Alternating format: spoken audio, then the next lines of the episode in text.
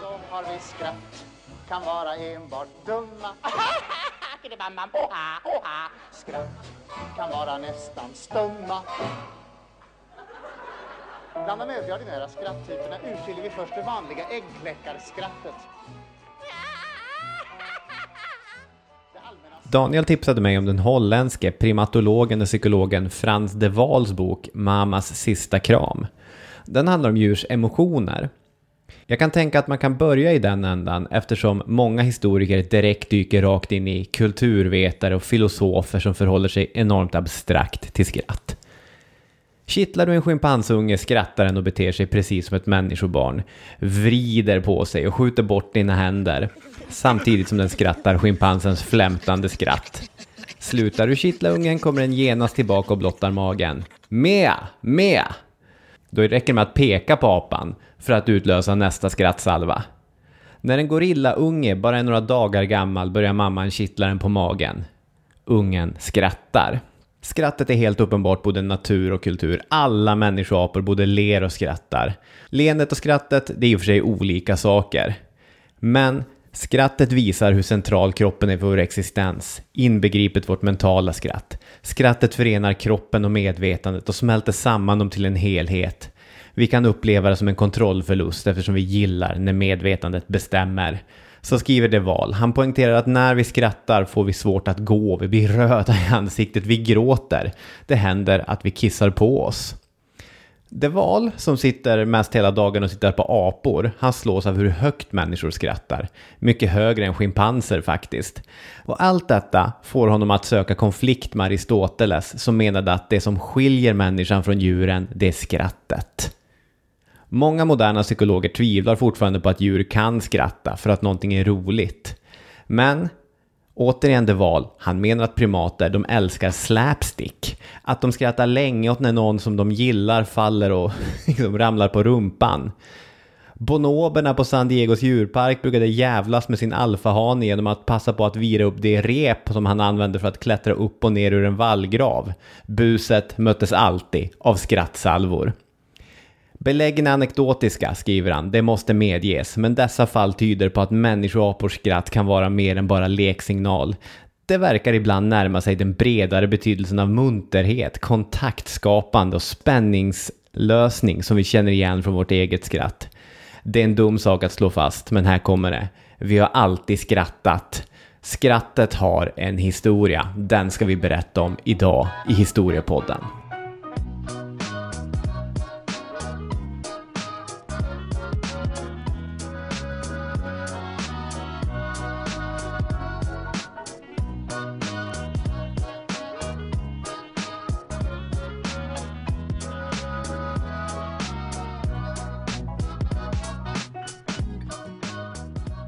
Välkomna till Historiepodden.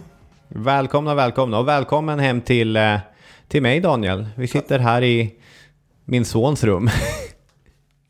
Ja, vi sitter här och eh, ihopkrupna framför en byrå.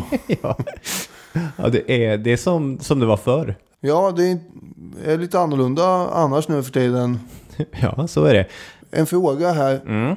Har bonobos alfahannar? Alltså det är, ju, det är ju en hona som styr flocken. Ja, Men för det, finns en, det finns en alfahane också. Det gör det ja. Ja. ja. Jag har ju fått lära mig att, eh, ja precis, men då är det ju, det är ett par då, fast de kanske inte hänger ihop. Nej, det, det, det, undrar om det där kan variera. Jag tror inte det behöver vara ett, liksom, ett, ett gift bonobopar som styr flocken. De har inte sagt ja inför församlingen. Nej, det här är, och det är ditt fel eftersom du eh, tipsade om den här boken. Men eh, primater har blivit mitt eh, nya stora intresse. Jag, jag sitter och, och varje litet samtal här hemma vid köksbordet slutar med att jag säger orangutanger, de kan ju på morgonen bestämma vilken, vilken väg de ska åka och, och det val. Han tror ju att de planerar dagen innan så att eh, Det här gillar jag ändå för att i framtiden kommer vi ju säkert ha avsnitt om eh, diverse... Apor. Ja, inte apor förstås, men för eh, historiska eh, människor kan man säga. Då. Just det. Och jag vet ju att du har uttryckt vid något tillfälle att du tycker att det här är lite trist med neandertalare och sånt där. Ja. Men nu kanske man då kan ha tänt något litet intresse, eh, ljus i, i dig då. ja, kanske. Kanske det. Ja, om du sitter och terroriserar din sambo, fru, med alla uppgifter om olika schimpanser och orangutanger, då, då kan du väl prata om neandertalare och annat antar jag. Ja, det är i och för sig eh, bonobos och schimpanser och orangutanger har vi ju kvar. Ja, ja, men är det verkligen historia? ja, ja, de kommer ju in lite grann, eventuellt då på något eh, sidospår även i den mänskliga historien när man ska börja prata om skratt kanske. Mom deserves the best, and there's no better place to shop for Mother's Day than Whole Foods Market. They're your destination for unbeatable savings, from premium gifts to show-stopping flowers and irresistible desserts. Start by saving 33% with Prime on all body care and candles. Then get a 15-stem bunch of tulips for just $9.99 each with Prime. Round out Mom's menu with festive rosé, irresistible berry chantilly cake, and more special treats. Come celebrate Mother's Day at Whole Foods Market. Millions of people have lost weight with personalized plans from Noom, like Evan, who can't stand salads and still lost 50 pounds. Salads, generally, for most people, are the easy button, right? For me, that wasn't an option. I never really was a salad guy. That's just not who I am. But Noom worked for me. Get your personalized plan today at Noom.com. Real Noom user compensated to provide their story. In four weeks, the typical Noom user can expect to lose one to two pounds per week. Individual results may vary. Everyone knows therapy is great for solving problems, but getting therapy has its own problems too, like finding the right therapist, fitting into their schedule, and of course, the cost. Well, BetterHelp can solve those problems. It's totally online and built around your schedule. It's surprisingly affordable too. Connect with a credentialed therapist by phone, video, or online chat, all from the comfort of your home. Visit betterhelp.com to learn more and save 10% on your first month. That's BetterHelp H E L P.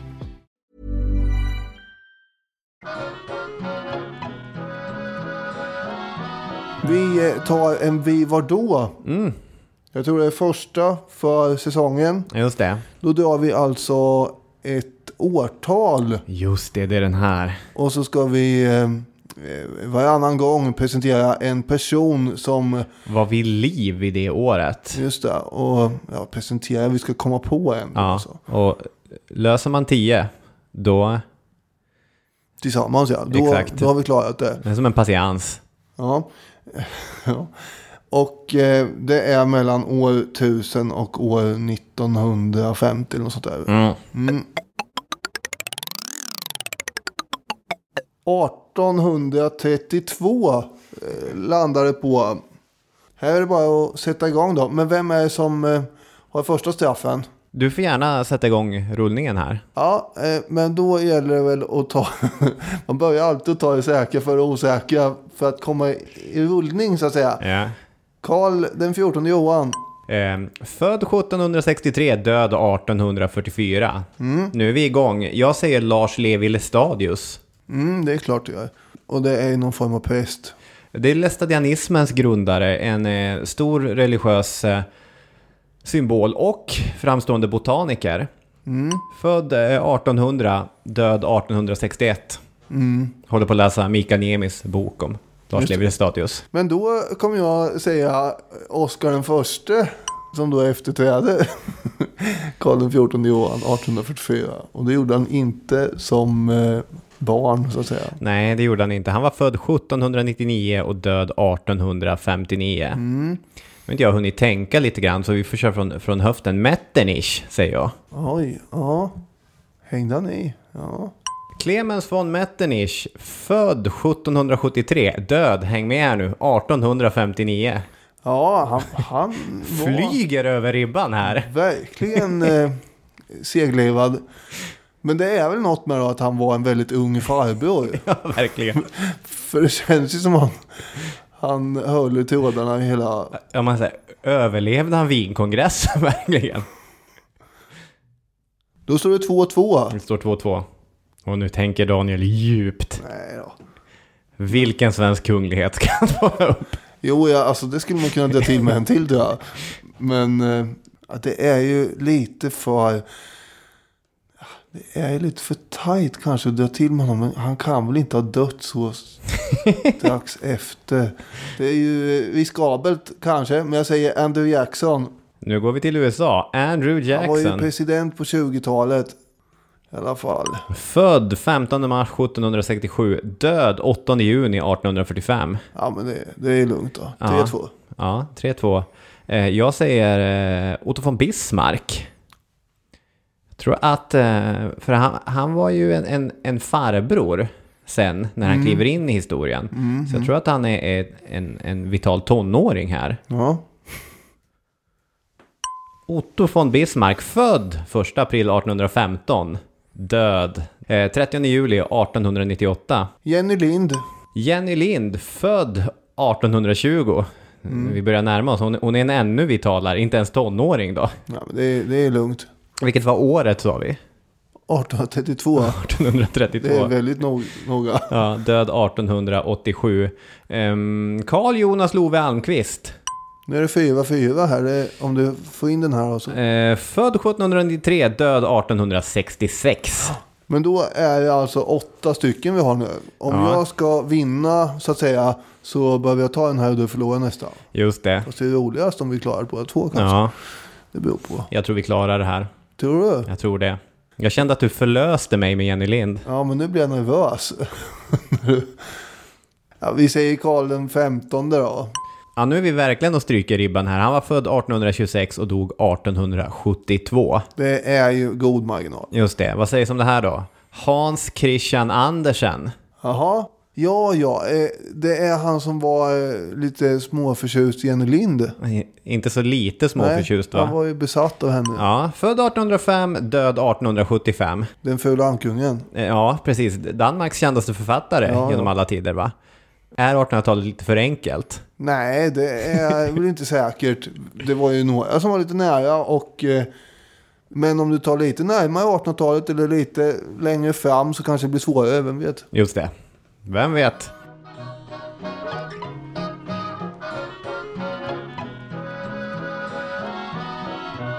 Daniel ska alldeles strax få börja prata om eh, antiken. Det är ju ditt gebit. Du har ju många gebit, ett av många gebit. Men eh, jag tänkte först säga att liksom försöka ringa in skrattet. Eh, vi har läst en text av forskaren Stina Bäckström i Svenska Dagbladet som handlar om filosofins förhållande till skrattet. Och eh, hennes övergripande slutsats är ju att eh, filosofin har ägnat väldigt lite tid åt skrattet och väldigt lite energi åt skrattet genom historien. Filosoferna har varit mer fascinerade vid ångest och svårmod, tungsinne. Ja. Det är mer eh, grubblande att eh, fundera på kanske på något sätt. Just det, så här, Rodins tänkaren ser allvarlig ut, han är inte ihopsjunken Nej. skrattandes. Nej, precis. Nej, hade han kunnat vara. Hon kommer eh, däremot i sin eh, artikel med en klassifikation, och det gillar man ju. I skrattväg har vi, menar hon, fnisset. Hon skriver att det är det tjejigaste av alla skratt. Det bubblande, flödande, fnissfrossan. Genom ett högrött ansikte, ögon som knappt vågar titta. Det där som närs av att titta på varandra utan att säga någonting. Det är det förpubertala skrattet, det som hör hemma i kroppar som växt ur sig själva. Det är skrattet som biter huvudet av skammen, tar sig ur sin egen isolering och bestämmer att livet är outhärdligt komiskt. När man lyssnar på våra avsnitt, det där har jag fått eh, kommenterat själv, jag fnissar ju väldigt mycket genom avsnitten. Ibland åt saker jag själv säger, ofta åt saker du säger. Det finns väl någon charm med det säkert. Ja, vissa gillar det ju. Det är, ibland undrar jag om det är en försvarsmekanism också, men... Eh, Det tror jag. Men som nu till exempel. ja. Men det gör ju också att det är trevligt att vara runt dig på något sätt. Mm. Så det är en social Just det. aspekt. Precis, det är jag säger, typiskt manligt dålig på att eh, leda ett samtal med en främling, men om någon säger någonting kommer jag fnissa vänligt i alla fall. Det är ett givande och ett tagande. Eh, nästa kategori, då tänker man ner på dig Daniel, det är det ohejdade gapflabbet. Tänker man, mer- det här var ju, med tanke på vad vi ska komma in på sen under 1700-talet här så är ju det inget smickrande. att hamna i den kategorin. Stina Bäckström skriver att gapflabbet är ett nåd. Det kommer utifrån som en gåva. Impulsen underhålls sedan av att påminna sig själv eller upprepa skämtets kulmen. Hon sa och sen blev det och så sen skriker man. Det, det för med sig en oblandad vällust och att stå utanför ett gapflabb skriver hon. Att komma för sent till scenen, att inte fatta grejen. Det kan vara svårt att stå ut med.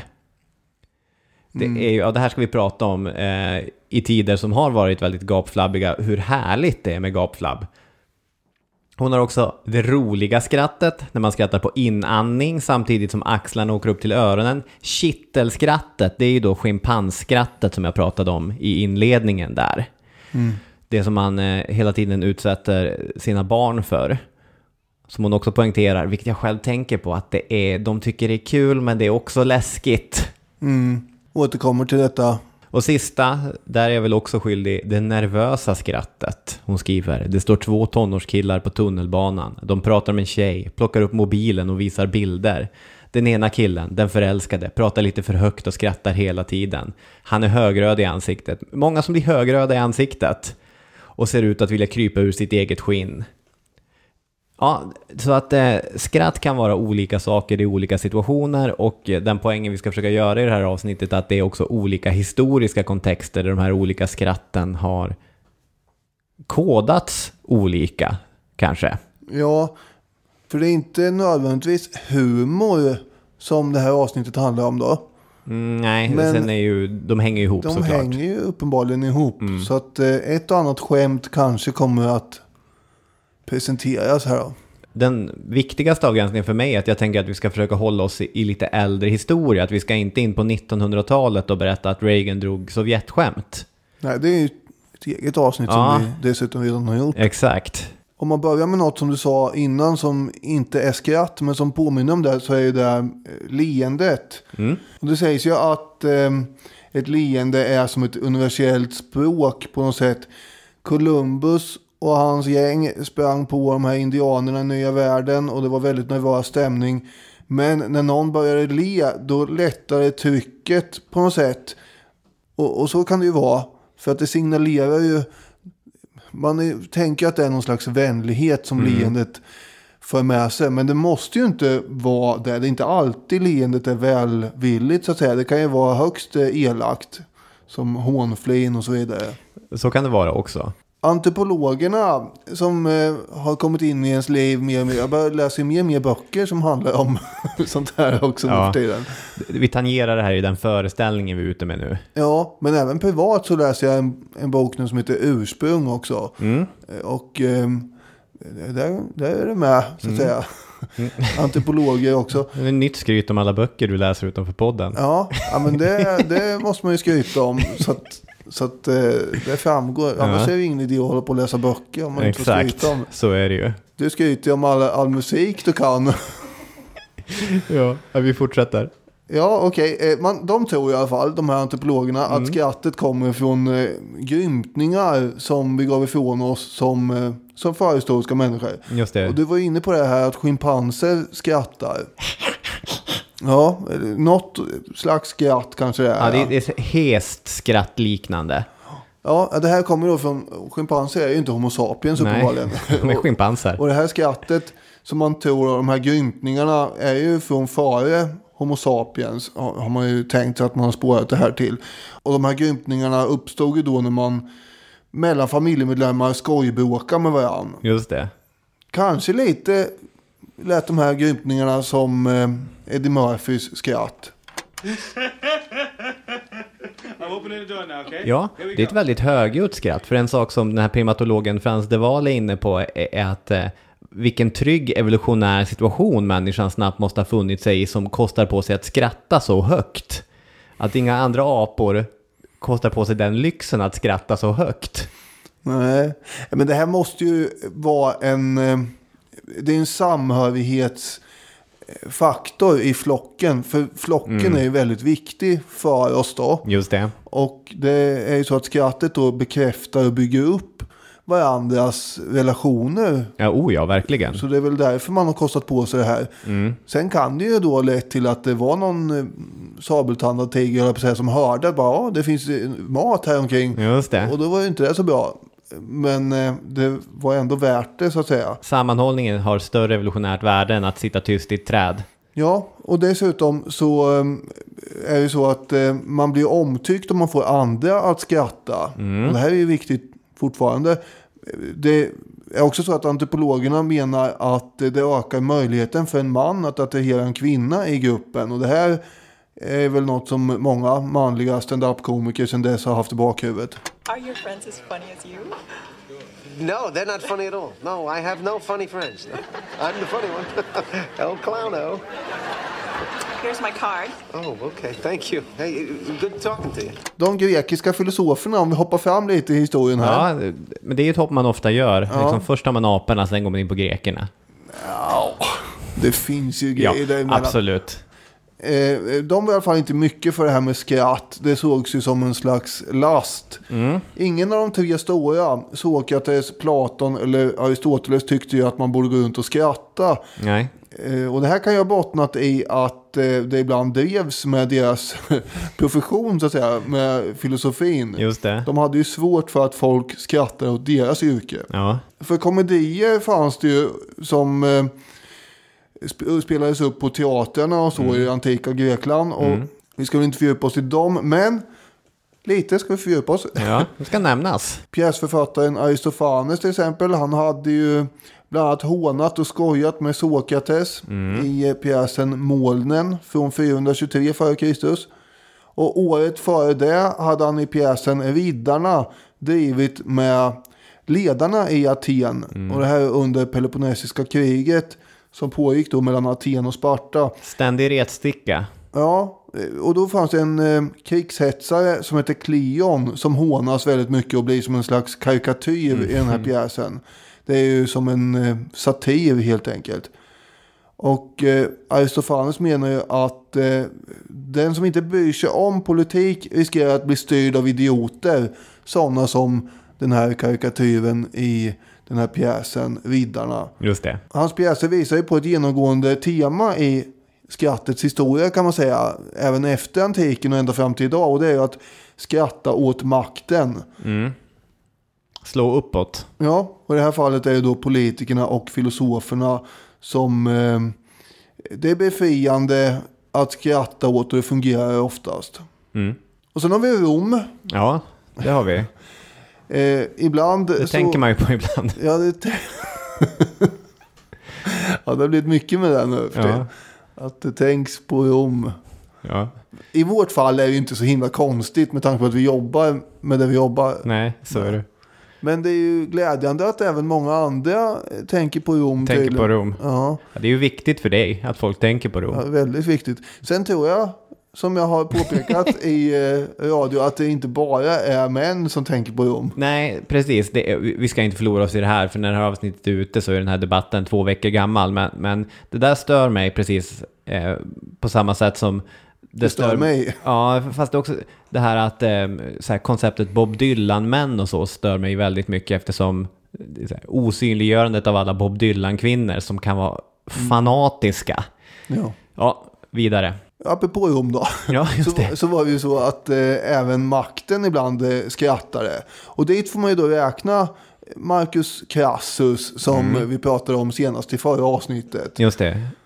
Eh, åtminstone så var han ju som sagt antikens rikaste man och därmed är han ju också mäktig.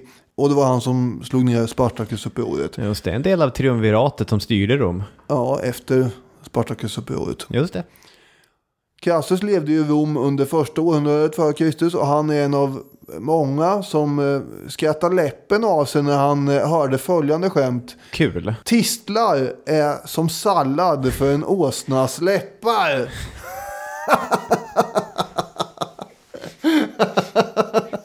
Fattar du? Alltså, eh, alltså även om eh, skämt brukar förstöras när man ska förklara dem så kanske det krävs här. Ja, Ja, ja jag, jag fattade inte skämtet. nej, nej. Romarna betraktade då sallad som en slags Viagra som var potenshöjande. Okej. Och skämtet syftar alltså på sex på något sätt. Ja. Vilket då brukar flyga. Ja, det är ju ett, eh, det, det, det är många skämt sedan dess som har byggt på Ja. det, Och den det- tematiken. Det är ofta eh, också just det allmänmänskliga som eh, är det som går över tiderna. Även om just det här försvann lite med att vi inte förstod det med salladen och, och det. Eh, Men annars är det väder, kroppar, djur och, och växter som är sånt som är tidlöst. Även om. Även om växter kan vara lite tidsbetonat. Då, tydligen. Just det. Avsöndringar från kroppar. Ja, folk kan relatera och därför fungerar det hyfsat över tid och plats i historien. Just det. Ett annat romerskt skämt bygger på en oväntad twist kan man säga. Som både driver med makten och har med sex att göra. Det är från den första kejsaren Augustus tid i början av vår tideräkning då. Augustus går omkring i stan. Ser en ung man som liknar honom själv. Spännande. Han, han stannar den här ynglingen och Just det. frågar om hans eh, mor kanske har arbetat i palatset. Och då blir svaret nej, ers höghet, men min far har gjort det. Ja, det här är en så kallad inkongruens. Ja, Det uppstår inkongruens. Inkongruens, Ja. ja. Det, och vad är det då? En häftig oväntad vändning, en k- känsla av vad händer nu? Ja, en eh, utveckling man inte hade förväntat sig liksom. Nej. Så sk- skämtet är alltså att eh, Augustus har legat med hans pappa, eller? Nej. Istället för att han, han tänkte då att, fast man måste tänka till lite. Ja. Han tänkte väl kanske att han var pappa till den här pojken. Okej. Som han mötte. Och därför frågade han, har din mamma jobbat i palatset? Jaha, men det är... Men det visar sig att eh, det kanske är så att den här pojken är hans bror. Eftersom hans, hans pappa hade jobbat i palatset. Just det. Och, och det här gör ju då att kejsar Augustus mamma anklagas för att vara lösaktig också i skämtet. Och kejsaren själv kommer från någon slags omoralisk släkt då. Okej, ja, jag trodde det var... Jag gick direkt till den här homofoba grejen att eh, Augustus har... Jag fattar inte riktigt hur du får ihop det med eh, avkommor och så vidare. För det där bygger på att de är lika varandra. Ja, just det. Jag kanske inte lyssnade så noggrant. Nej, så kan det vara. Och det, då går ju många skämt över huvudet. Ja, man kan skratta med ändå. Ja, det kan man ju. För att eh, se ut som man förstår. Cicero. Han var ju då till skillnad från Aristoteles och gänget i Grekland en anhängare av roligheter och skratt kan man säga. Just det. Mer jovial till sinnet. Ibland. Ibland. Han var väl ganska tungsint och panikslagen också emellanåt. Över sakernas tillstånd. Som folk är över ett liv skulle jag vilja påpeka. Just det. Ibland är man eh, munter kanske och ibland är man väldigt eh, tung. Ja. Så ehm, han är som folk var. Mest är han väl inte för han hade ju en massa olika villor och var uppe i smeten. Men han är mänsklig. Ja, Det är där jag vill hävda. Eller ja, det var väl alla eh, på något plan. Men vi kan uppfatta honom som mänsklig eftersom han har skrivit och efterlämnat så mycket. Ja. Och det är till hans fördel. Hur, hur som helst, han använde ju då gärna humor som gav skratt i sin retorik. Och han hade till och med en teoretisk ram för hur skämtande borde fungera bäst. Och han menar ju då att först behövs ett upplägg, en setup och sen får vi eh, veta de här förutsättningarna i skämtet. Och så förväntar vi oss ett visst utfall men får något helt annat. Eh, och det är ju punchlinen då som leder till skratt. Den här inkongruensen. Och det här skriver han ju om även om han gör det med andra eh, Ord. ord. ja. Själv blev han ju då mördad av Marcus Antonius utsända trupper.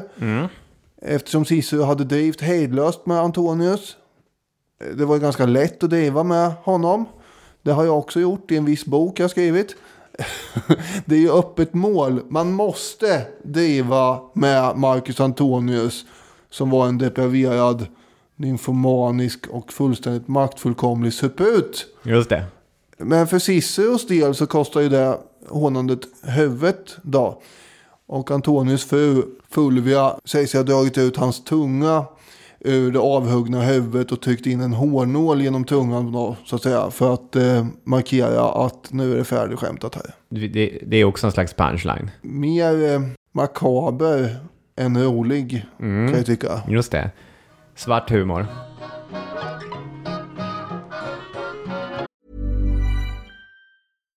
If you're looking for plump lips that last, you need to know about Juvederm lip fillers. With Juvederm Volbella XC and Juvederm Ultra XC, your lip look, whether it's subtle or bold, can last up to one full year with optimal treatment and no additional maintenance. Find a licensed specialist and see if it's right for you at juvederm.com today. That's J U V E D E R M.com. Add fullness to lips in adults over 21 with Juvederm Volbella XC or Juvederm Ultra XC. Do not use if you have severe allergies or a history of severe allergic reactions, or if you're allergic to lidocaine or the proteins used in Juvederm. Tell your doctor if you have a history of scarring or taking medicines that decrease the body's immune response or that can prolong bleeding. Common side effects include injection site redness, swelling, pain, tenderness, firmness, lumps, bumps, bruising, discoloration, or itching. As with all fillers, there's a rare risk of unintentional injection into a blood vessel, which can cause vision abnormalities, blindness, stroke, temporary scabs, or scarring. For full important safety information, visit juvederm.com. Millions of people have lost weight with personalized plans from Noom, like Evan, who can't stand salads and still lost 50 pounds. Salads, generally, for most people, are the easy button, right? For me, that wasn't an option. I never really was a salad guy. That's just not who I am. But Noom worked for me. Get your personalized plan today at Noom.com. Real Noom user compensated to provide their story. In four weeks, the typical Noom user can expect to lose one to two pounds per week. Individual results may vary. I'm Sandra, and I'm just the professional your small business was looking for. But you didn't hire me because you didn't use LinkedIn jobs. LinkedIn has professionals you can't find anywhere else, including those who aren't actively looking for a new job but might be open to the perfect role, like me. In a given month, over 70% of LinkedIn users don't visit other leading job sites. So if you're not looking on LinkedIn, you'll miss out on great candidates like Sandra. Start hiring professionals like a professional. Post your free job on linkedin.com/people today.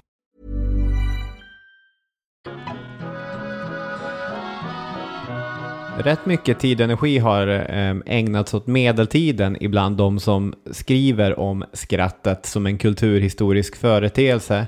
Olle Färm, den svenska historikern till exempel, han har skrivit en hel bok om skratt och humor på medeltiden. Jag läste igår Dick Harrisons recension av Olle Färms bok. Mhm. Eh, Harrison skriver att boken inte är rolig. Vilket ändå är, är lite kul. Eh, däremot har boken en hel Det är kul. ja, det är lite kul. Däremot har boken en hel del patos. Och det beror på att det finns en idéströmning som, alltså det här är hårdvinklat. Jag är inte säker att jag håller med om, om den här beskrivningen. Men som, eh, som Dick Harrison beskriver den så finns det en idéströmning som nästan förnekar att humor fanns på medeltiden. Att den medeltida människan saknar det abstrakta tänkandet som krävdes för humor. Det är en jättekonstig tanke. Ja, men jag tycker också att det är, vi kommer till de här kulturvetarna och, och vad de egentligen menar. Jag tycker inte att det är en, en helt rättvis beskrivning. Men eh, i alla fall, Färm säger så här i en intervju med Populärhistoria. Vad själva begreppet humor beträffar fanns det under medeltiden andra termer som täckte in detta fenomen. I de språk som talades fanns en hel del ord som pekar på närvaron av skämt och humor. Jag kan ta ett enkelt exempel. Det latinska jocus, eller jocus, som ju betyder skämt. Mm. Den vits som eh, intar en, en central position i Olle Färms bok, den finns i en samling från 1400-talet av Poggio Bracciolini. Det är en känd renässansförfattare som bland annat under sitt liv arbetade åt påven. 19 barn fick Poggio också. Jag vet inte med hur många kvinnor, men det är ju det är väldigt många barn. Han hade roligt. Han, ja, just det. Här kommer vitsen. En storvuxen och tjock abbot på resa närmade sig en kväll Florens och mötte på vägen en bonde. Abboten frågade honom om det var möjligt att komma in genom stadsporten. Bonden kliar sig i håret och svarar att ja, om en vagn lastad med hö kommer igenom så är nog chansen för din del väl så stor. Mm. Mm. Vi kan börja i den här änden. Tycker du att det är kul, Daniel? Alltså det är ju inte ett skämt som man ha ha ha skrattar åt när Det det, berättas inte gapflabb. Nej, men däremot om man hade varit med och stått bredvid. Det är ju ett sånt skämt. Det är ju kvickt så att säga. Just det. Så om man hade stått bredvid när det hände. Då hade man ju kanske tyckt att det var ett väldigt roligt. Faktiskt. Just det, ja. Jag... Eh, Eftersom jag är lagd som jag är lagd så kommer jag ta en, en, eh, en, en omständig väg runt för att komma fram till min poäng nu. Ja, det är klart. Men jag började tänka på eh, den här genren av, av skräckfilmer, slasherfilmer. Mhm. Du vet de här skräckfilmerna där en mördare, ofta med en stor kniv eller yxa eller så, jagar ett kollektiv av människor. Och sen i slutet så är det en enda överlevare kvar, nästan alltid en tjej, the final girl, som istället besegrar mördaren. Det är genren. Jo, jag känner till den. Just det. Scream, fredag den 13, Halloween och så vidare.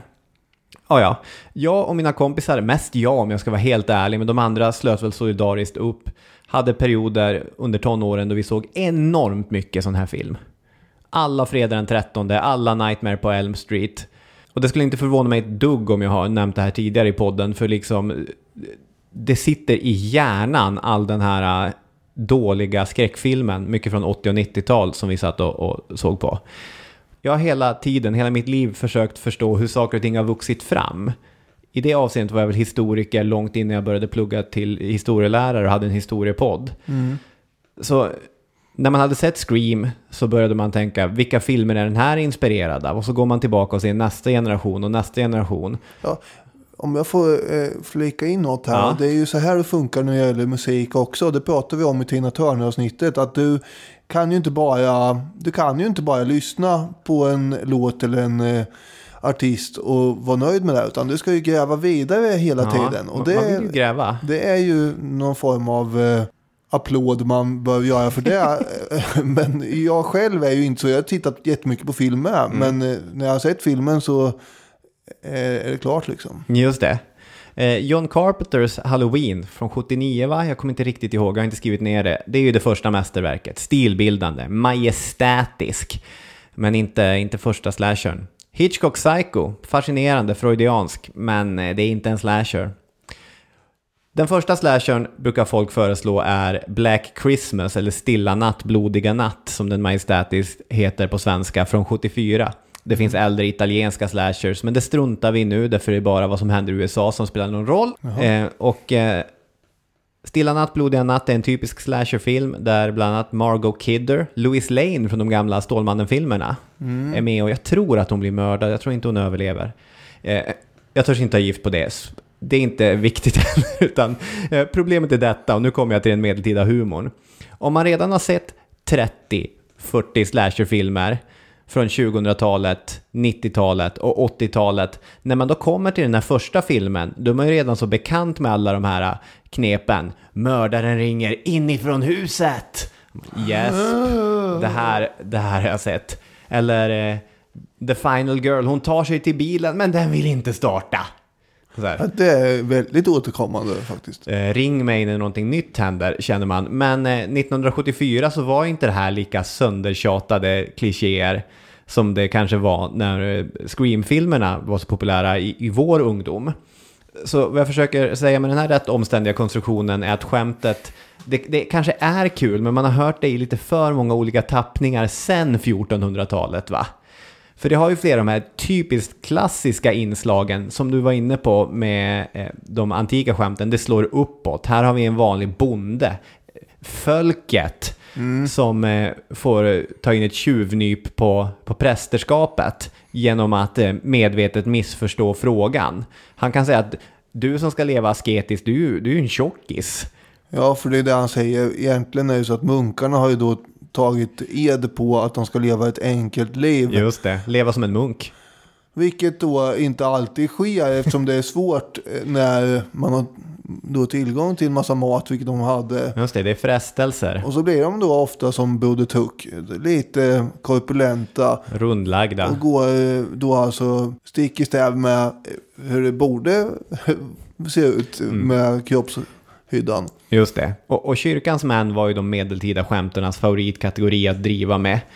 Det handlade dels om det här att eh, de inte levde lika enkelt och asketiskt som de kunde, men eh, mycket var ju sexualmoral också. De skulle ju eh, idka avhållsamhet, vilket det var lite sisådär med, i alla fall om man får tro skämtfloran från medeltiden. Ja, det var ju ganska kul att driva med att de hade stora magar och många barn på bygden eftersom det är ett sånt hyckleri med tanke på att det är precis där de inte ska ha något av. Och eh, jag tror det fanns en genuin frustration också med orättvisan i de här levnadsförhållandena och maktskillnaderna mellan vanligt folk och kyrkans representanter. Och det här pratade vi väl om i avsnittet om eh, katarerna tror jag. Det var, eller någonstans pratade vi om den här enorma floran av eh, satir mot just kyrkan. Just det. Däremot verkar det ha varit mindre vanligt att eh, driva med den världsliga makten eftersom det var mycket farligare. Det var ju mycket farligare. Ja. Kunde du hamna i stupstocken? Olle Färm skriver också att eh, humor med etniska förtecken ska ha varit eh, väldigt vanligt, framförallt om vi befinner oss eh, på sådana platser där det fanns olika nationaliteter. Tyskarna, de, de, var, de var supiga, våldsamma. Fransmännen, de var högmodiga och svåra på kvinnor. Engelsmännen, det var skämtet att de hade svans. Ja, okej, den har man ju inte hört. Nej, så är det. Ja. Men många av de här skämten verkar ha varit kopplade till studentstäder också, att de är nästan lite studentikosa och, och på, på det sättet hör hemma hos en, en lärd elit. Om man ska komma in på så här medeltida skrattkultur och så, vilket kanske egentligen är det mest eh, relevanta. Nu kommer jag återigen ta en omväg in på ämnet och jag ber om ursäkt för det, men eh, nu tar jag sats att göra det ändå. På tal om att skryta om att man läser böcker, vilket jag har börjat reta dig för att du gör, vilket du egentligen inte gör, så har jag... Och Ny... det gör jag inte. Nej, du skryter inte om att du läser böcker. Ja, nej, men du, jag läser böcker. Ja, du läser böcker, det, det gör du. Jag nyligen läste den holländska historikern Bettina Stagneth, tror jag det uttalas, bok om ehm, Adolf Eichmann. Och eh, hon gör den här poängen med att eh, det finns vissa verk, vissa böcker som är så dominanta att om man ska skriva om samma ämne som den boken så hamnar man direkt i dialog med den. Och hon menar då att Hanna Arendt, eh, filosofen som skrev en jättekänd bok om eh, Adolf Eichmanns rättegång i Jerusalem, eh, Eichmann in Jerusalem. Skriver man om Eichmann så hamnar man direkt i dialog med Hanna Arendt. Samma sak gäller typ Michel Foucault om man ska prata om sexualitetens historia. När jag undervisat om, om sex, vänskap och relationer historiskt för gymnasieelever har jag på riktigt suttit på kammaren och tänkt Borde jag nämna Foucault? De- Måste vi ta lite Foucault eller? Och, och inom så här skrattets historia så finns det en sån gestalt också. Det är den ryske litteraturhistorikern och kulturvetaren Michail Bakhtin, eller Bakhtin. Han beskrev i sin uppmärksammade studie av Rabelais den medeltida skrattkulturen, vilket han kallade, han sa att den var konkret, sinnlig, festlig och fysisk. Men att den inte var fin och subtil. Eh, parodin, den var drastisk och komisk, men den var inte raffinerat satirisk. Alltså, eh, vad man gapskrattade åt, det var karar som lurades av otrogna fruar, det var impotenta män. Man tyckte att det var kul med dvärgar som inte nådde upp till bordet, eller man tyckte att det var kul när människor drattade på ändan. Eh, det här kommer från Eva Österbergs bok Folk förr, där hon bland annat refererar Bakhtins forskning. Till detta kan man nog tillfoga att, att Bakhtin menade att det medeltida skrattet också var glatt och triumferande och livsbejakande, som en manifestation av folkets kollektiva livskraft. Det är väldigt stora och, och spretiga ord här. Mm. Men vad han menar är att det, man behövde inte skämmas för att man skrattar. Alltså, nej precis. Det, Kortfattat. Ute bland, bland folk, alltså det här är ju, vi kommer komma in på en, uppdelning av det privata och offentliga som vi lever med väldigt tydligt idag och, och som har, kanske har vuxit fram. Att den är inte alls lika stark om den ens finns på medeltiden. Så att du, kan gå, du går omkring där på torget eller i byn och bara vrålskrattar för att du ser en kortväxt människa. Ja. Eller så lite, jag vet inte, en, en, en halt höna eller någonting. Mm. Och den här bilden av det väldigt, väldigt folkliga medeltida skrattet och skrattkulturen, det är ju det som till exempel Olle Färm eh, tar, eh, inte tycker om. Han menar att det visst fanns satirisk elegans och abstrakt tänkande och, och, och så under medeltiden. Samtidigt, alltså jag tänker att alltså rätt grov var väl den folkliga skrattkulturen ändå. Ja, det tror jag man kan eh, säga. Men eh, det är väl inte så oväntat, eller vad man ska säga. Nej, för eh, visst är det så att eh, mycket folklig humor sedan dess också har tyckte att det är kul när folk drattar på ändan eller att många vitsar handlar om att eh, någon man har en otrogen fru. Ja, väldigt många sådana. Inte bara kul på medeltiden har folk tyckt. Nej. För några år sedan var jag ju och såg på Måns Möller. Ja. Eh, som stod på scen och eh, drev eh, med att dvärgar älskade guld och sånt där. Just det. Eh, hela Göta Lejon veks av skratt. Ja, var upplägget då att det här får man ju inte skämta om? Det är ju underförstått förstås. Ja, just det. Men jag gör det ändå. Ja. Nej, men jag tänkte att Svullo, frid över Micke Dubois minne, Svullo hade gått hem på medeltiden. Jag förstår mig inte på folk som bara beställer in en bärs. Nej, nej. Men du har ju fortfarande elen på dig fram. Jaså? Oh ja. Och på 80-talet. Exakt.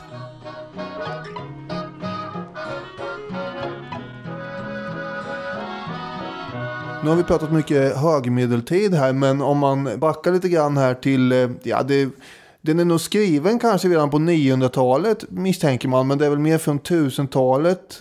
Ja, det är lite oklart, det är i skarven där som vi har den här Exeter Book heter den. Mhm. Eller Codex Exoniensus Är det en bok som är upphittad i Exeter? i England. Ja, det är viktigt. Ja. Eller upphittad, den är väl eh, kanske... Konstruerad? Ja. Skriven? Det är främst då en samling lyrik egentligen, men det ska också innehålla 99 skämt, eller snarare är det väl gåtor som är skämtsamma. Okej. Vad är det roliga nu då? Jag har ju inte ens börjat. Nej, men bara så här. Skämt och gåtor är ändå... Båda kanske är i genren kul. Ja. Men det är sällan man blandar ihop ett skämt eller en gåta. Det är säger, ju skoj. Vill du höra en gåta? Och så sen är det ett skämt. Det är roliga skojigheter som är uppbyggda med frågor och svar. Ja.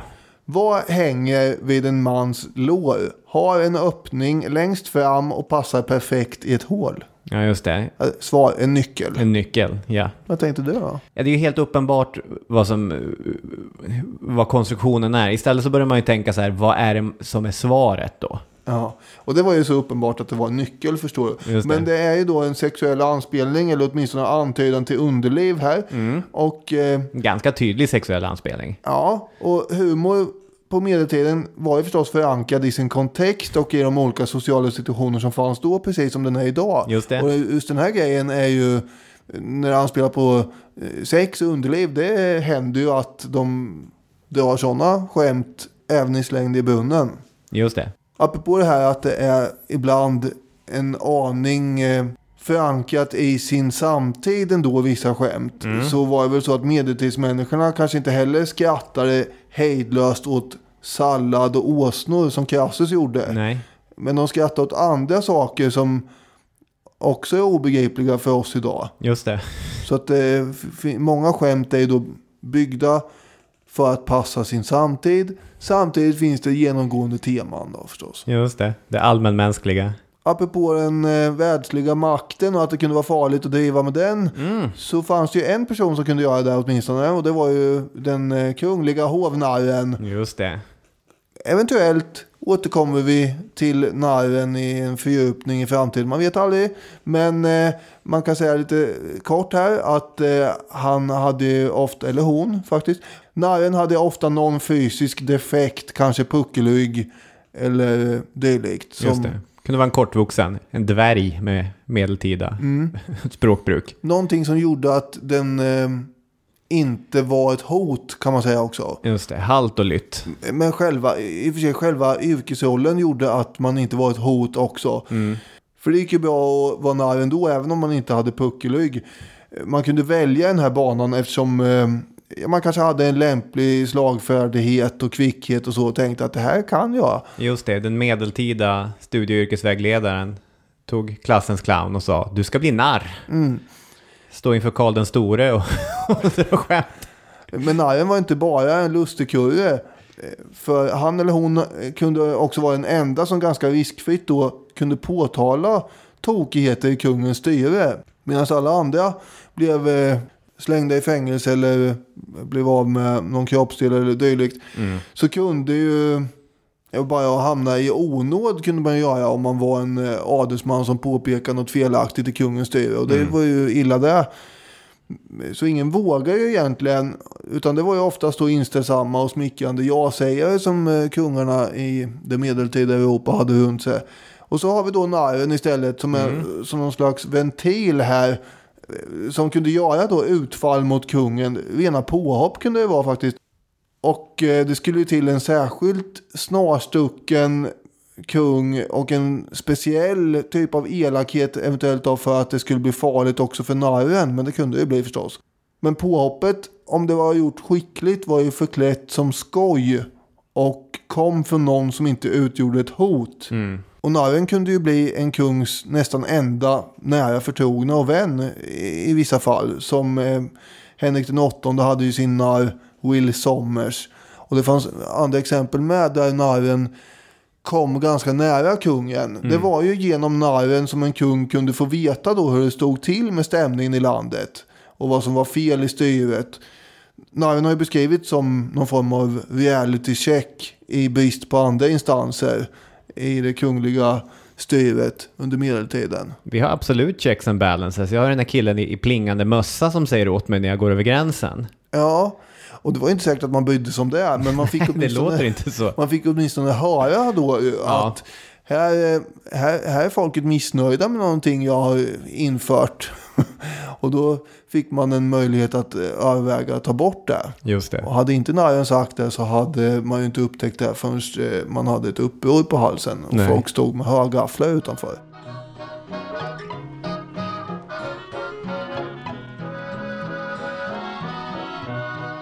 Jag minns att vi i avsnittet om Linné, det var inte jättelänge sedan, det var, ju, Nej. var i år till och med. Ja, det tror jag. Eh, när han var i Lappland då så pratade han om en text som han skrev under den tiden. Alltså det här är ju hans ungdom.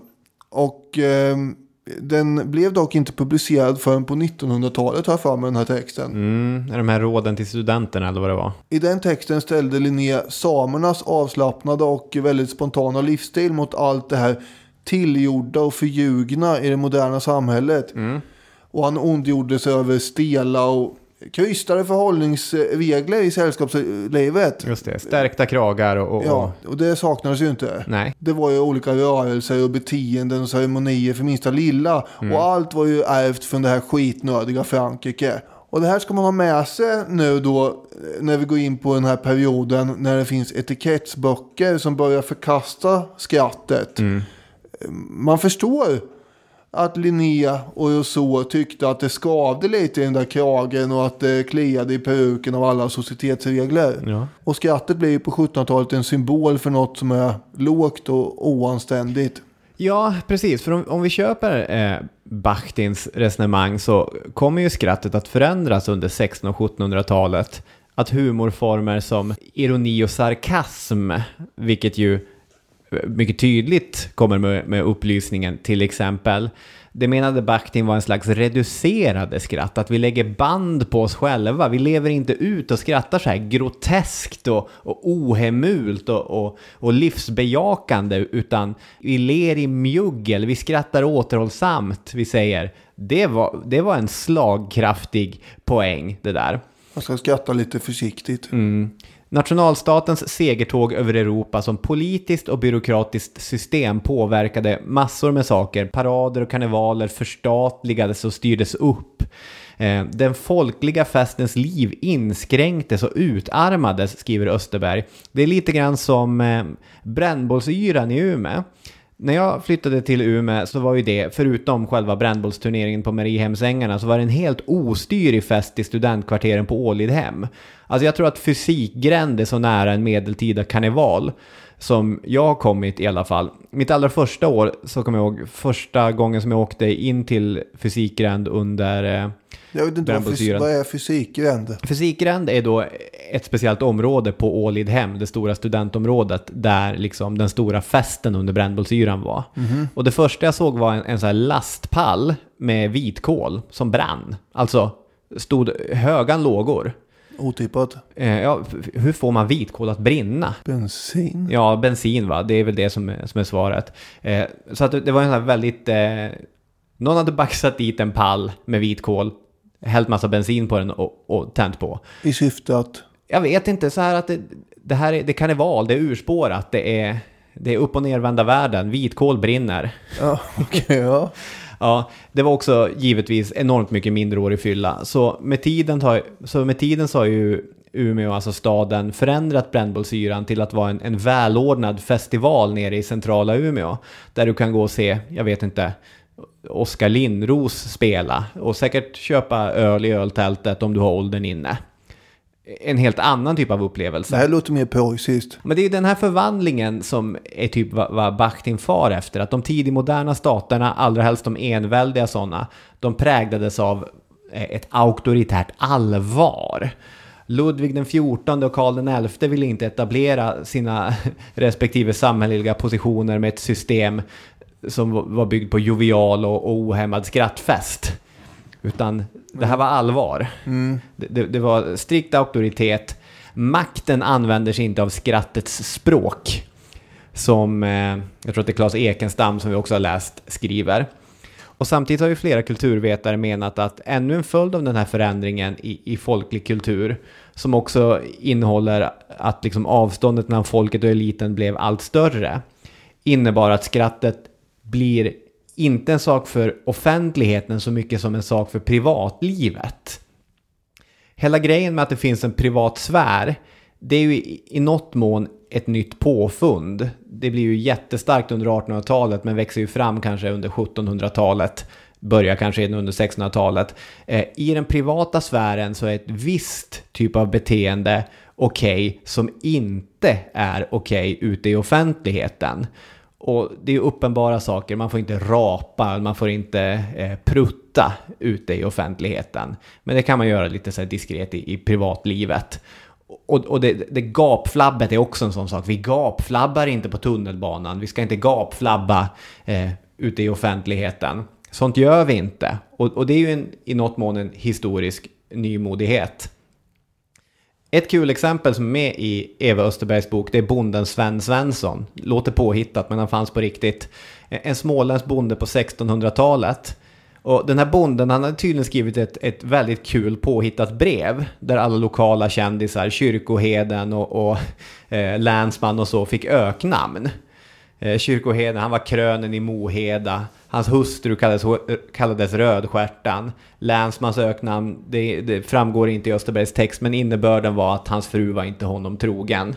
Mm. Och, och Sven Svenssons brev var så kul, så att man bokade in honom på alla fester. Mm.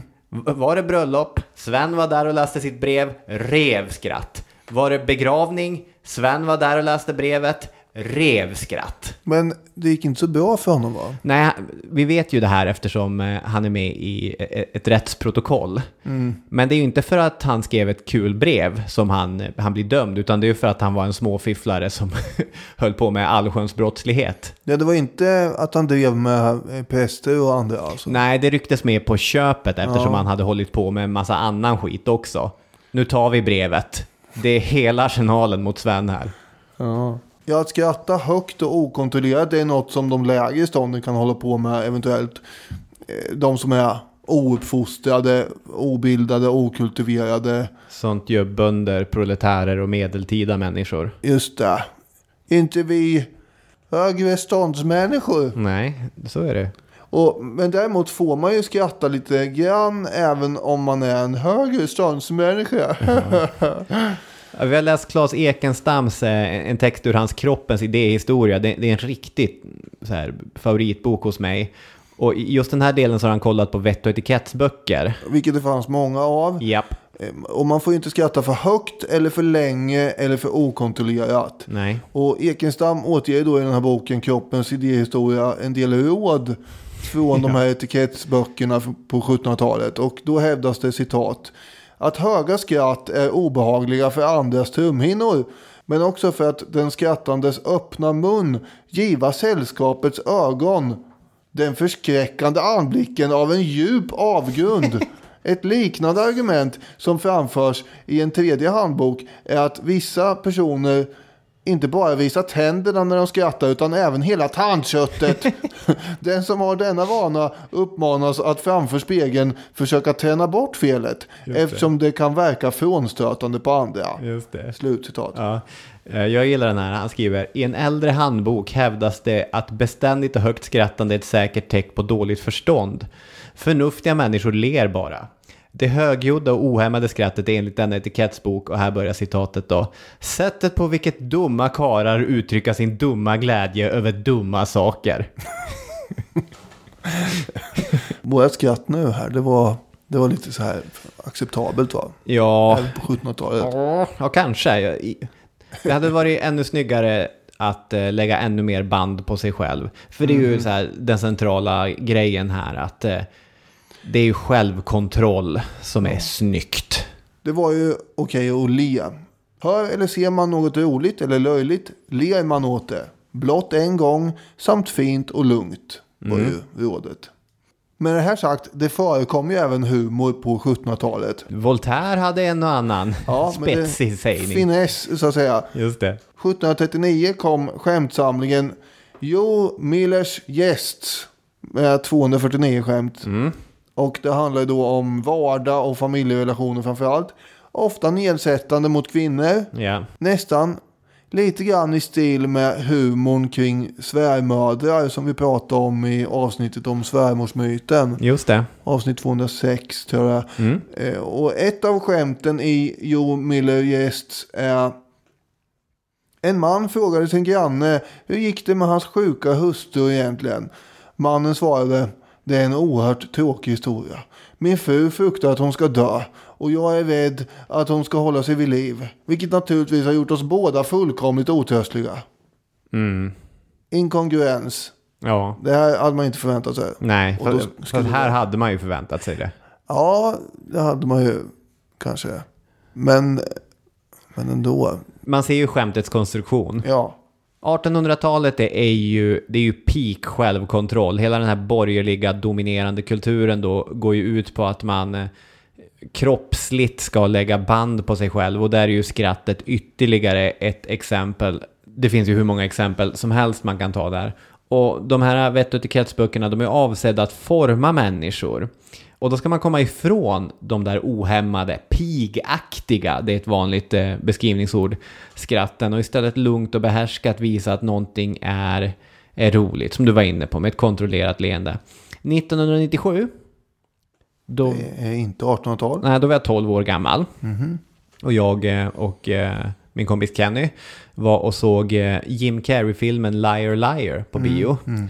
Eh, Och jag kommer ihåg att från det att sonens önskan går in att pappa ska sluta ljuga och eh, han bara berättar sanning och hamnar i dråpliga situationer. Jag skrattade hårt och jag skrattade hela, hela, liksom, två tredjedelar av filmen då. Mm. Jag var helt slutkörd efter, alltså Ja. så här, fysiskt utmattad. Och just den här liksom bioupplevelsen har stannat hos mig, för jag har aldrig skrattat så mycket och så hårt, varken före eller efter det. Och alltså om den här medeltida skrattkulturen fungerade så, att man bara så här livsbejakande skrattade järnet, då är vi egentligen fattigare idag som eh, försöker behärska den saken. För, för det är ju i ett avseende underbart. Man blir ju på nytt född av att skratta så högt och så länge. Och, och det är intressant det där, det är ju någonting som primatologerna och antropologerna och, och så eh, poängterar att eh, det finns ingenting som påminner om skratten annat än så här, kanske typ sex då, att som så kroppsligt påverkar en.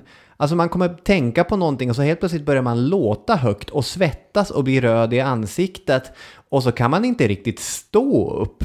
För liksom den här tanken har helt tagit över ens kropp. Alltså det är ju en väldigt, väldigt märklig och härlig upplevelse. Ja, det finns ju en bild eller en serie bilder på Ja. mig då, eh, på ditt bröllop. Och jag kommer inte ens ihåg vad det handlar om. Nej, det var någon abbot som frågade om han skulle ta sig in genom en stadsport. det var nog inte det. Det var nog bara att jag var allmänt tagen och förvirrad. Jag tror att det kanske var att jag började, jag kom på mig själv med någon tår i ögat eller något sånt där. Och sen då var det någon som påpekade något och sen så bara spårade det ur. Och jag är ju helt högröd i ansiktet och man ser att jag bara gapskrattar. Och sen... Du viker dig som ett gångjärn. Ja, det gör jag med. Och då blir det till slut att man skrattar för att man skrattar Ja. och, och så vidare. Exakt. Och eh, det var ju, det var ju härligt. Ja. Ja men så att det, alltså, det är ju synd att sitta och, och, och gråta över 1800-talet, men man gör ju våld på människan genom att så hårt fokusera på självkontroll. Ja, så är det. Men det visar ju karaktär att kunna eh, behålla självkontrollen. Mm. Och om man har dålig karaktär så kan det påverka ens sociala relationer och karriär. Tänker man sig på den här tiden. Oh, kort, ja. och, kort och gott alltså, i de här högre ståndskretsarna in på 1800-talet så gäller det hela tiden att vara på sin vakt mot sig själv så att man inte råkar göra något spontant. För då har man ju inte någon självkontroll och vad ska folk säga då? De här författarna till etikettshandböckerna kunde ju också varit kritiska mot eh, sina egna råd ibland. Även om man för all del naturligtvis var tvungen att följa dem så kunde de eh, påpeka att de var lite löjliga. Men man måste ändå följa dem. Här är spelets regler. Man ska väl komma ihåg också så här, det, det poängterar ju Ekenstam i hans bok att, att det är en studie av borgerlighetens, eh, liksom en, en allvarets kultur. Eh, och inte bara är 1800-talets borgerlighet en allvarets kultur, utan det här är också de texter som försöker etablera ideal för hur denna allvarets kultur ska se ut i sin mest extrema form. Så att om man enbart tittar på det så missar man givetvis att eh, det där högljudda och gapiga skrattet, det förekom nog mellan skål och vägg. Och kanske även ibland i offentligheten. Ja, och i slutet på 1800-talet så tror jag också att det börjar luckras upp lite grann. För då börjar det bli mer accepterat. Det kanske till och med är nyttigt för kropp och själ, börjar vissa hävda, att skratta. Eh, I boken The Railway Book of Fun som släpps 1875 så menar man att det är en kristen dygd det här med humor.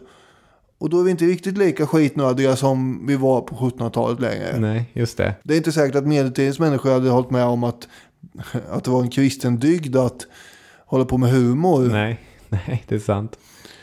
Men nu i den här boken kunde man i alla fall läsa att eh, man skulle utnyttja alla till bud stående medel för att upprätthålla ett tillstånd av mental munterhet. Och det är ju eh, också något tecken på att nu är det i alla fall inte jättetabu att ha roligt och skratta. Nej. Och sen kommer vi in på 1900-talet och då ska vi inte prata mer om eh, det här egentligen säger du. Men jag har ju en grej kvar angående det där. Mm. Är det första Åse-Nisse-filmen? Helt korrekt. Nej, det är det inte. Men eh, det har att göra med kittling. På 1930-talet så fick den amerikanske psykologen Clarence Leuba barn. Och han tänkte ju att det här var en fantastisk sak då. För nu kunde han passa på att utföra experiment på den här sonen. Och han bestämde att eh, man skulle bara under en sju månaders period tillåta kittling hemma. Och i övrigt, före och efter, så skulle kittling vara totalt förbjudet. Han ville väl ta reda på då om det här var en medfödd reaktion att skratta. I boken Världshistoriens märkligaste experiment skriver då Nils Bergå så här. Han hade en mask för ansiktet och var noggrann med att aldrig skratta själv eller visa minsta antydan till känslor. Luba kittlade sonen i omgångar enligt ett förutbestämt protokoll där han gradvis ökade intensiteten. Han började under armarna, sedan på revbenen, hakan, nacken och sist under fötterna. Allt gick som planerat fram till hans fru av misstag råkade skratta när hon kittlade sonen efter ett bad i badkaret. Luba blev rädd att experimentet var förstört men fortsatte. Och eh, efter den här kittlingsperioden så fortsätter då pojken att skratta när det hände att han ändå blev kittlad. Så det är någon slags tecken på att ja, han tyckte att det var roligt även fast han inte visste att det skulle vara roligt. För han hade ju haft den här masken på sig. Det låter ju helt förfärligt här egentligen. det är... det är... Det är också ett sätt att tolka att vara närvarande pappa. Det, Ja, det, han- han- ta, tar vi in sonen i experimenten här. Jobbar liksom hemma. Och eh, han, eh, han, Ringde hem till kontoret. Jag jobbar hemma idag. han var ju inte helt nöjd med det här ändå på grund av det där misstaget som hans fru hade begått. Så han upprepar ju proceduren när han får en dotter sen. Ja. Och den här gången så blev resultatet likadant fast hon inte hade utsatts för det här misstaget. Hon visste absolut inte att eh, man skulle skratta. Nej. Och Löfberg inser ju då att eh, nu har han bevisat, tycker han, att skrattreaktionen på kittling är någonting som är medfött. Ja. Och det har man bekräftat senare att det är den, fast man har inte gjort sådana här experiment Nej. då antar jag.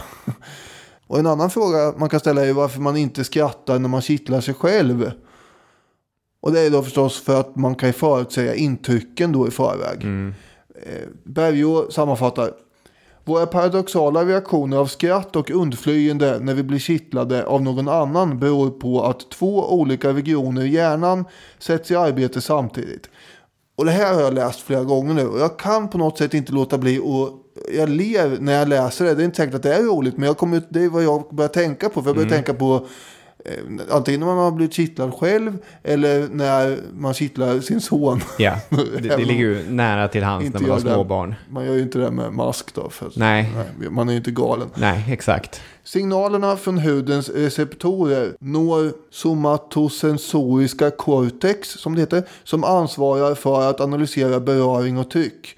Men det passerar också en annan del av hjärnan, den främre gördelvindlingen, vad det nu är, som styr behagliga känslor.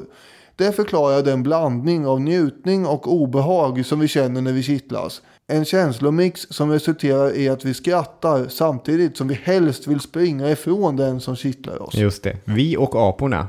Ja, precis. Man hade ju kunnat eh, undersöka apor också för att få reda på det här. Finns det många på YouTube som, som gör, säger att nu ska jag genomföra ett eh, experiment. Jag ska kittla en schimpansunge. And in the name of science, we're going to tickle him.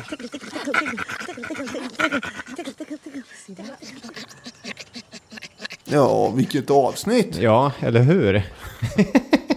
jag har lärt mig mycket nytt. Och hörni, om ni vill ha en härlig föreställning att gå på också om ni bor i Östergötland, Linköping är vi i på tisdag och Norrköping på torsdag. Exakt, det är vi. Jag satt och googlade vårt turnéschema, men jag hann inte få upp det i tid. Eh, Du hade det i huvudet. Ja, Kom och titta på oss när vi berättar roliga och allvarliga saker om krig och fred. Krig Precis. och fred.se. ja. Vi syns där och hörs nästa vecka. Det gör vi. Tack för idag. Hej hej! Hej då!